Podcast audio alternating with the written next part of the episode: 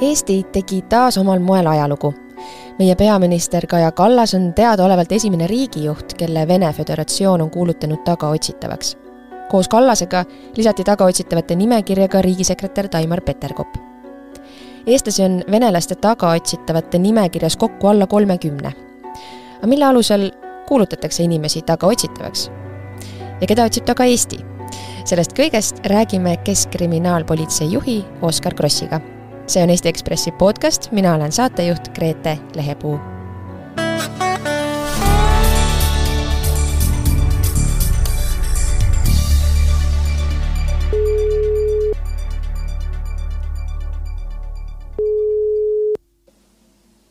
jaa. tervist, kas Oskar Kross kuuleb? jaa, tervist. Eesti Ekspressi podcast siinpool, rõõm tervitada teid meie eetris. jaa, tervist no sellest, et Kaja Kallas ja Taimar Peterkop on Venemaal tagaotsitavaks kuulutatud, sai avalikkus ja, ja tegelikult Eesti ajakirjanikud ka teada tänu meie kolleegidele venekeelsest väljaandest Meediatsoone, kes avaldasid siis sel teemal artikli. aga kuidas teie või, või kuidas laiemalt Eesti politsei sellest tagaotsimisorderist kuulsite? jah, no tõepoolest, et äh, kui me nüüd räägiks õigusriikidest, siis tavaliselt selline informatsioon levib politsei koostöökanaleid pidi Äh, erinevaid. Äh, kuid antud juhul äh, politsei sellest samamoodi meedia kaudu teada sai. et mis võib-olla siin ongi nagu oluline öelda, et, et, et eks see nagu noh, nii-öelda kuigi siuksed tagaotsimised saavad olla nagu nii nii-öelda politsei poolt avalikkusele välja öeldud, et me otsime kedagi taga, kui ka politsei võib otsida ise taga siis, siis jah, antud hetkel siis saime meie moodi, samamoodi teada siis, et, et see on meedia, meedia kaudu Kallas on ise kommenteerinud, et see on nagu Venemaa hirmutaktika, et selgelt aru saama tegelikult, ähm, millist, millise paragrahvi alusel üldse teda ja milles taga otsitakse või milles teda süüdistatakse või kahtlustatakse, seda välja lugeda ei ole ka sealt kuulutusest, aga et võib oletada, et see on, on siis seotud äh, punamentide eemaldamise otsusega Eestis või ka noh, laiemalt ilmselt see, see põhjus äh, on Ukraina sõja toetamine ja, ja see, kui palju Kallas selle eest seisab ja selle eest võitleb. Ehm, kuna ja, ja kuna monumentide põhjendust on, on võib-olla näha ka varasematest ähm, tagaotsimiskuulutustest äh,, aga ma eelnevast teie jutust siis võiks järeldada, et ega teil rohkem mingisugust infot ei ole, et, et Eesti ei ole teada saanud, äh, mille pärast tema peaminister on tagaotsitav? Äh, ei, otseselt mitte, noh minu arust see küsimus on nagu võib-olla laiem, et, et kas, kas seal on nagu nii väga vahet, mille pärast see Venemaa selle põhjuse otsinud nagu leidnud, mis on. et täpselt nagu te ise ka ütlesite, et Kaja Kallas tõepoolest on ju nii-öelda Eesti ja kogu Euroopa eest seisnud ja eeskätt Ukraina eest seisnud et äh, noh, lõppkokkuvõttes oleks see võinud tõenäoliselt ükskõik mis paragrahv olla, et, et äh, ma arvan, et siinkohal ongi nagu oluline rõhutada uuesti kommentaari, et, et äh, Venemaa ikkagi meie mõistes ei ole ju õigusriik, et need otsused, mis seal tehakse, on hoopis teistsugused kui, kui meie nii-öelda lääneriikide nagu see väärtusruum nagu ette näeb et äh, ma ei ole küll õigusekspert, aga noh, kasvõi see, kui meediast lugeda, et, et, äh, et riik on kuulutanud enda omaks midagi, mis äh, tegelikult asub kuskil mujal, eks ju. noh, see ei ole niisugune tavapärane praktika õigusriikidel läänes. et ja sellest tulenevalt ausalt öeldes ma, ma isegi ei tea, et, et kas nagu tasub väga süüvida sellesse, et, et kuidas seda nii-öelda otsitud põhjus siis nagu põhjendatud on vaid pigem võib-olla siis äh, öeldagi lihtsalt, et, et, et see riik nii on teinud, aga, aga noh, mis kaalutlused nende arust seal on, et ma, ma ei ole kindel, et see nii suurt nagu olulisust nagu mängib. Ehk siis seda võib võtta ka sellist tõesti jõudemonstratsiooni, võib-olla nagu žesti, kommunikatsiooni, ähm, jõu näitamist, ähm, aga kui tõsiselt tegelikult Kallas ja Peterkop seda ikkagi võtma peaksid, sest et ähm, see on päris tagaotsimisorder või tagaotsimisotsus, kui palju see neile pahandust võib tekitada?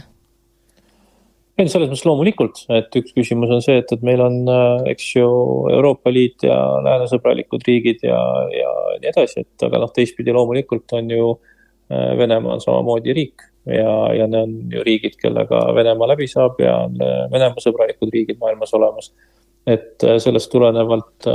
loomulikult äh, reisida näiteks Venemaale või Venemaaga sõbralikesse riikidesse tõenäoliselt ei tasuks, eks ju. et, et eks see täpselt nii ongi, et, et, et jah ehk siis Venemaa sõbralikud riigid võivad tõesti siis Kallase või Peterbupi kinni pidada ja anda Venemaale üle, see on, see on täitsa tõenäosus? No seda, noh, sellest, seda vist peaprokurör ka sel nädalal äh, meedias tegelikult äh, mingil määral käsitles, et noh, see on, see on mingi asi, mida me ei saa välistada, ega siis lõpuks ju äh, seda, kuidas siis teised riigid käituvad, me ei tea. et, et seda, kuida-, kuidas õigusriigid käituvad, see on ju etteennustatav et need riigid, kus õigusloome ja kõik see käib vastavalt sellele, et noh, vastavalt mingile loogikale, eks ju. noh, seal on ette ennustatav, kuidas neid otsuseid ja asju tehakse.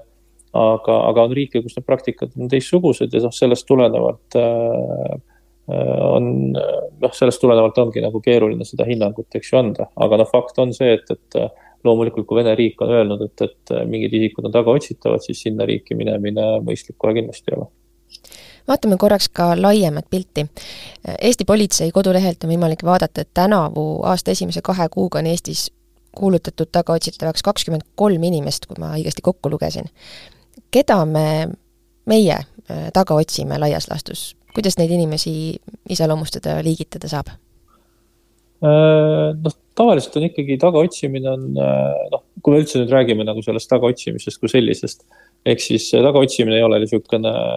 lihtsalt kuskilt nii-öelda tekkiv asi, et, et tegu on siis äh, protseduurikaga, et, et kui meil on a la kriminaalmenetlus ja selle kriminaalmenetluse raames on vaja mingit inimest leida,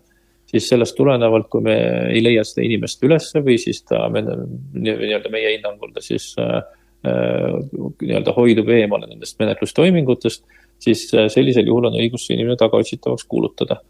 ja, ja seda tehaksegi äh, siis äh, erinevate kuritegude puhul, et äh, kui me räägime siin riigisisesest tagaotsimisest, siis kui meil ongi kriminaalmenetlus ja selle raames on vaja see inimene üles leida, siis selleks seda protseduuri kasutataksegi. ja see võib olla mis tahes asjade puhul, kas alates, ma ei tea, poest äh, viinapudeli varastamisest kuni siis, ma ei tea, näiteks mõrvani? kas siin no, pigem, kurite... pigem, pigem, pigem, pigem me räägime ikkagi raskematest kuritegudest ja et, et ikkagi pigem, pigem ikkagi suuremahulisemad äh, kuriteod ja kelmused. eeskätt noh, eriti kui me nüüd räägime rahvusvahelisest tagaotsimisest, siis rahvusvahelise tagaotsimise puhul, mis nüüd õigusriikide vahel toimub, äh, siis seal me räägime ikkagi, äh, ikkagi suurema mõjuga kuritegudest kui poevargused. ehk siis Eestis inimene võib olla kas siseriiklikult tagaotsitav või siis juba ka rahvusvaheliselt, mida see rahvusvahelisus puudutab, milliseid riike siis veel? noh, rahvusvaheliselt tagaotsimine on noh, selles mõttes rahvusvaheliselt on võimalik taga otsida üle maailma. Aga see on nüüd äh, kindel juriidiline protsess, et, et see ei ole päris nii, et, et, et mõnes mõttes ei ole nii, et, et politsei hakkab taga otsima. et äh, selleks, et midagi rahvusvaheliselt taga otsida, see, see töötab nüüd mööda siis justiitsahelat, eks ju. ehk siis rahvusvahelises koostöös äh, sinna on, sinna on hõlmatud prokuratuur ja kohus, kes siis annavad õigusliku hinnangu, kas me inimesi üldse nii-öelda tohiksime rahvusvaheliselt taga otsida ja nii edasi, eks ju Äh, ja, ja siis äh, ja mis on vist teine tingimus on see, et, et, äh, et oletame, et kui Eesti hakkab rahvusvaheliselt kedagi taga otsima, siis eeldus selleks, et mingis teises riigis ta oleks nüüd taga otsitav, siis üks eeldus on ka see, et, et see oleks ka kuritegu selles teises riigis näiteks. et, et, et selles mõttes see, see protseduurika on võrdlemisi jäik. lisaks sellele siis, kui see inimene seal teises riigis kinni peetakse, siis see kohalik äh, Äh, nii-öelda kohalik kohus annab ka siis õigusliku hinnangu sellele, eks ju, et, et äh, kas see tagaotsimine on äh, legitiimne ja nii edasi. Et selles mõttes see, see protseduurika iseenesest juriidilisel tasandil ta ei ole nii-öelda, see ei ole nagu üks paber, et, et, et tegelikult seal on mitmeid instantse, mis kontrollivad, et, et see kõik oleks õiguspärane ja proportsionaalne ja kohane. Kui sageli politsei saab teate, et keegi on üles leitud, helistatakse, ma ei tea, kas siis ähm, emb-kumb, kas siis meil riigist siin keegi äh, koputab, et mina, ma tean, kus keldris see inimene end peidab, või helistavad, ma ei tea, üle lahe näiteks soomlased, ütlevad, kuulge, tulge järgi oma tüübile. täpset statistikat ei oska öelda, aga, aga see rahvusvaheline tagaotsimine on Euroopa Liidus näiteks on võrdlemisi aktiivne. et äh, eriti, kui me mõtleme selle peale, et, et Euroopa Liidus, eks ju, äh, meil on Schengeni, Schengenis liikumine on võrdlemisi vaba siis äh, eks seda rahvusvahelist tagaotsimist ikka on ja, ja mõlemat pidi, et, et äh, nii, nii Eestist nii-öelda noh, nii-öelda nii saame meie kätte inimesi kui ka vastupidi. et, äh, et noh, võib-olla lihtsalt ühe näitena, mis on küll, see on küll aastate tagune juhtum, aga näiteks aastal kaks tuhat seitseteist me saime Ühendkuningriikidest kätte ühendkodanikud, kes siis olid Eestis kelmusi toime pannud. et, et selliseid näiteid ikka on kui me räägime või mõtleme tagaotsitavatele ja, ja sellele sellisele nagu kuulutusele, siis ma arvan, päris paljudel tuleb silme ette äh, filmimaailmas tuttav selline metsiku lääne keskkond, kus siis mingisuguse saluuni seinale naelutatakse see poster, peal on wanted ja siis on kellegi nägu ja siis on all ka pearahasumma. Äh, kui sageli seda pearahasummat veel, veel kasutatakse või, või kui palju äh, seda toonast metsiku lääne sellist praktikat praegu üldse veel alles on? Äh, Euroopa Liidus, kui ma ei eksi, siis seda praktikat eriti ei rakendata. Äh, Ameerika Ühendriigid rakendavad seda praktikat natuke rohkem, aga noh, sellistel juhtudel nii palju, kui ma mäletan, siis üldiselt need kaasused, kus nad sellist äh, mehhanismi rakendavad, need on väga-väga-väga raskete kuritegude puhul. et on need siis kas terrorismikuriteod või, või a la mingid kartellijuhid või midagi sellist aga noh, selliste mingite kelmuste puhul nüüd tingimata, ma arvan, sellist pearaha nagu välja ei panda, et, et see on ka pigem, ma arvan, nende praktikas nagu harv, aga ma ei ole ka taaskord äh, Ameerika nagu sihuke ekspert samal ajal, et, et see on pigem sihuke inimliku kogu, kogemuse pealt nagu tunnetuslikult räägitud. aga, aga noh,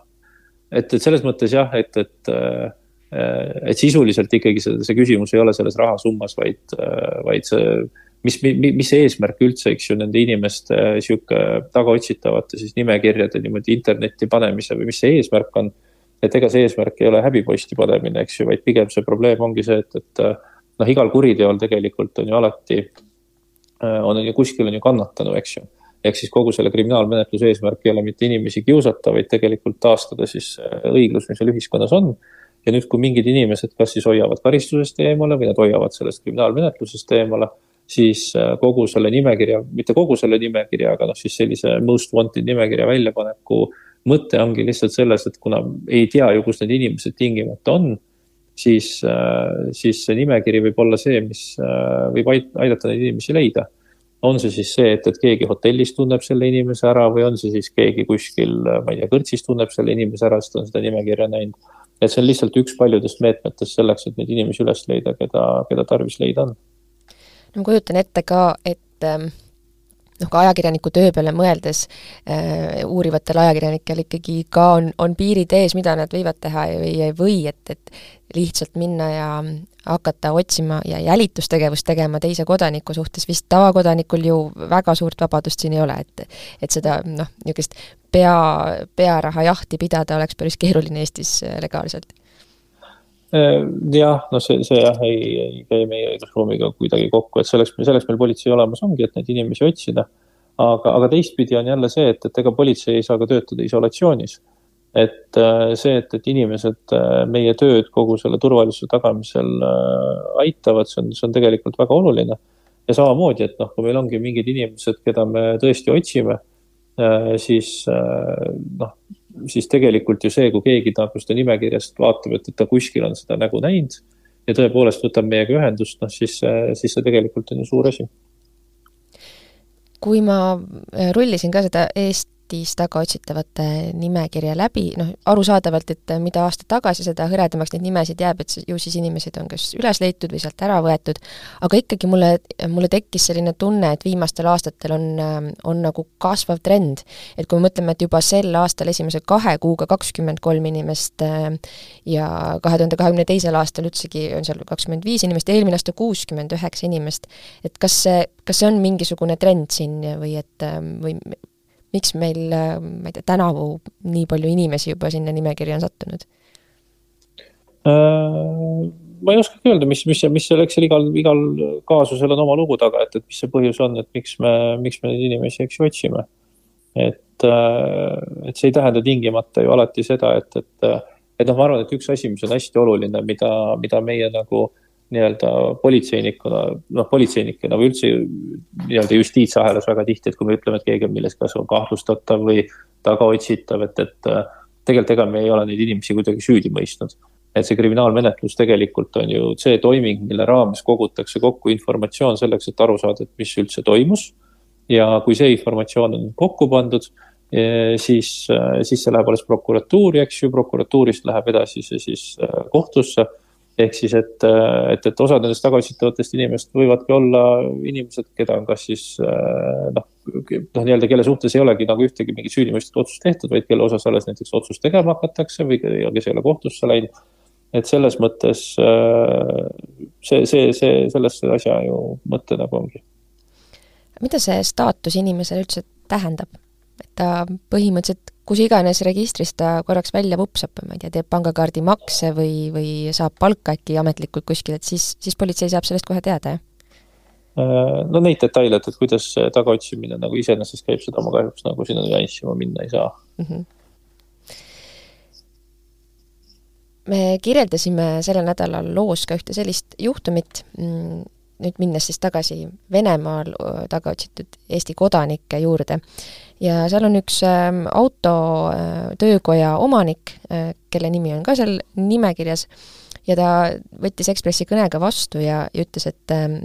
ohkas esialgu lausa, ja ütles, et ta arvas, et nii võib minna äh,, sest et ta enne veel, kui pandeemia hakkas viis ühe auto sinna remonti või, või mingisugust äh, noh, tavapärast sellist teenust ostma sealt.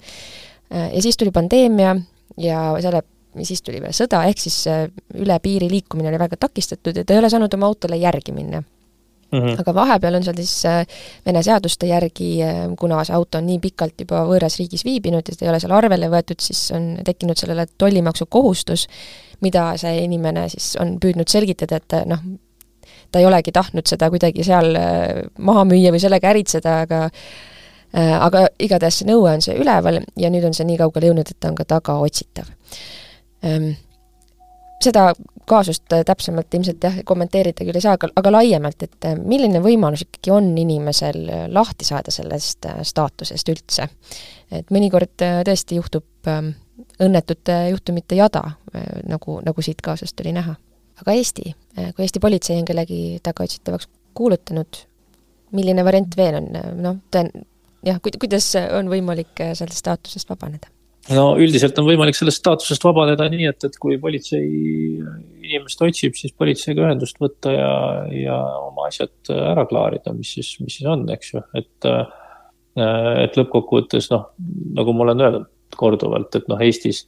Eestis meil on, eks ju, tugev juriidiline kontroll kõikide asjade üle, et, et selles mõttes Eesti politsei ei ole ju asi, mida karta et, et lõpuks, kui on, kui inimene on Eesti politsei poolt tagaotsitavaks kuulutatud, noh, see tähendabki seda, et neid toiminguid on vaja siis äh, läbi viia, seda inimene on vaja üles leida. Äh, see ei ole lihtsalt kuskilt juhuslikult ju välja tulnud, et, äh, et sellest tulenevalt kõige lihtsam viis Eestis kindlasti sellest staatusest lahti saada, on, on politseiga ühendust võtta. korraks veel nüüd lõpuks, saate algusesse tagasi tulles, et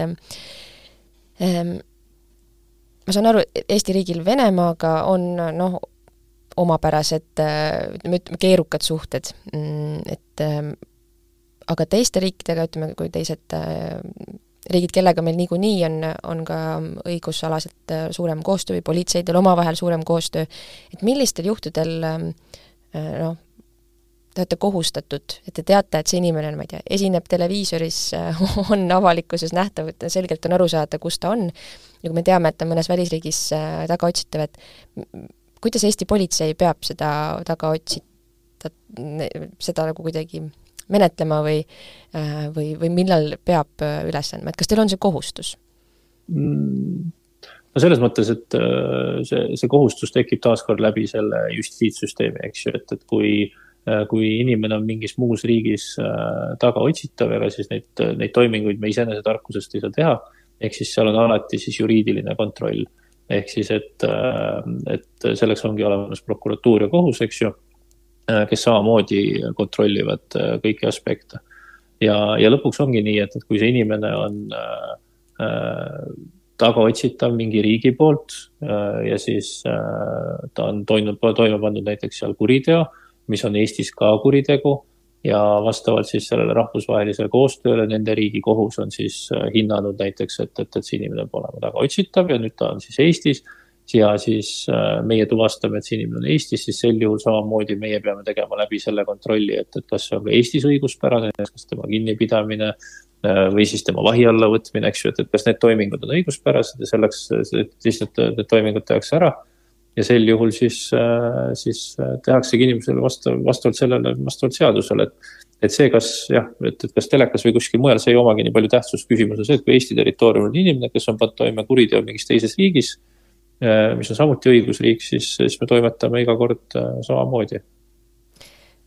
tõtt-öelda see ei, see ei tundu bürokraatlikult kõige mugavam töömeetod noh, kriminaalmenetluse noh, selles mõttes, kas noh, kas just bürokraatlik, aga aga ega kriminaalmenetlus ei saagi olla iseenesest nüüd nagu lõpmata lihtne menetlusvorm. et kui me mõtleme selle peale, et kriminaalmenetluse tulemusena, eks ju, inimesi peetaksegi kinni, võetakse vahi alla, inimesed saavad, äh, võivad saada karistada, eks ju. Äh, see on ju äärmiselt palju põhiõigusi riivav äh, menetlusvorm, mis meil riigil on ja, ja kui me inimeste põhiõigusi riivame, siis see tähendab ju seda, et, et see peabki olema väga tugevate kontrollmehhanismidega et ei saa olla nii, et, et keegi kuskil üksi midagi otsustab, vaid, vaid seal peavadki olema mehhanismid, mis vaatavad, et kõik need toimingud, mis riik teeb, oleksidki proportsionaalsed nagu äh, nende inimeste vastu, keda siis menetlus äh, riivab. et äh, ja seda enam rahvusvaheliselt, eks ju. et rahvusvaheliselt samamoodi, et kui, kui riigid omavahel neid asju ajavad, siis täpselt samamoodi me peame olema ju kindlad, et kui me kellegi isikuvabadusi riivame, et me teeme neid õiguslikult, äh, õiguslikel alustel ja me teeme neid proportsionaalselt ja õigesti. et aga neid asju tagada nagu noh, no ma arvan, et Eestis kindlasti, noh kindlasti on igal pool maailmas on viise, kuidas me saaksime mingeid asju optimaalsemalt teha. aga teistpidi võttes, ega nüüd lõpmata optimaalselt ei olegi võimalik äh, neid asju teha ja ma arvan, et ei tohigi olla liiga lihtne inimeste põhiõigusi riivata, väga lihtne aitäh nende selgituste eest ja, ja selle kummalise samal ajal tõsise uudisega, mis meie peaministrit puudutas, päris palju Eestis on vist saadud tagaotsitavate teemaga kurssi. ja aitäh, aitäh Ekspressi kuulajatele ka seda teemat selgitamast, Keskkriminaalpolitsei juht Oskar Kross ja soovin teile jõudu tööle!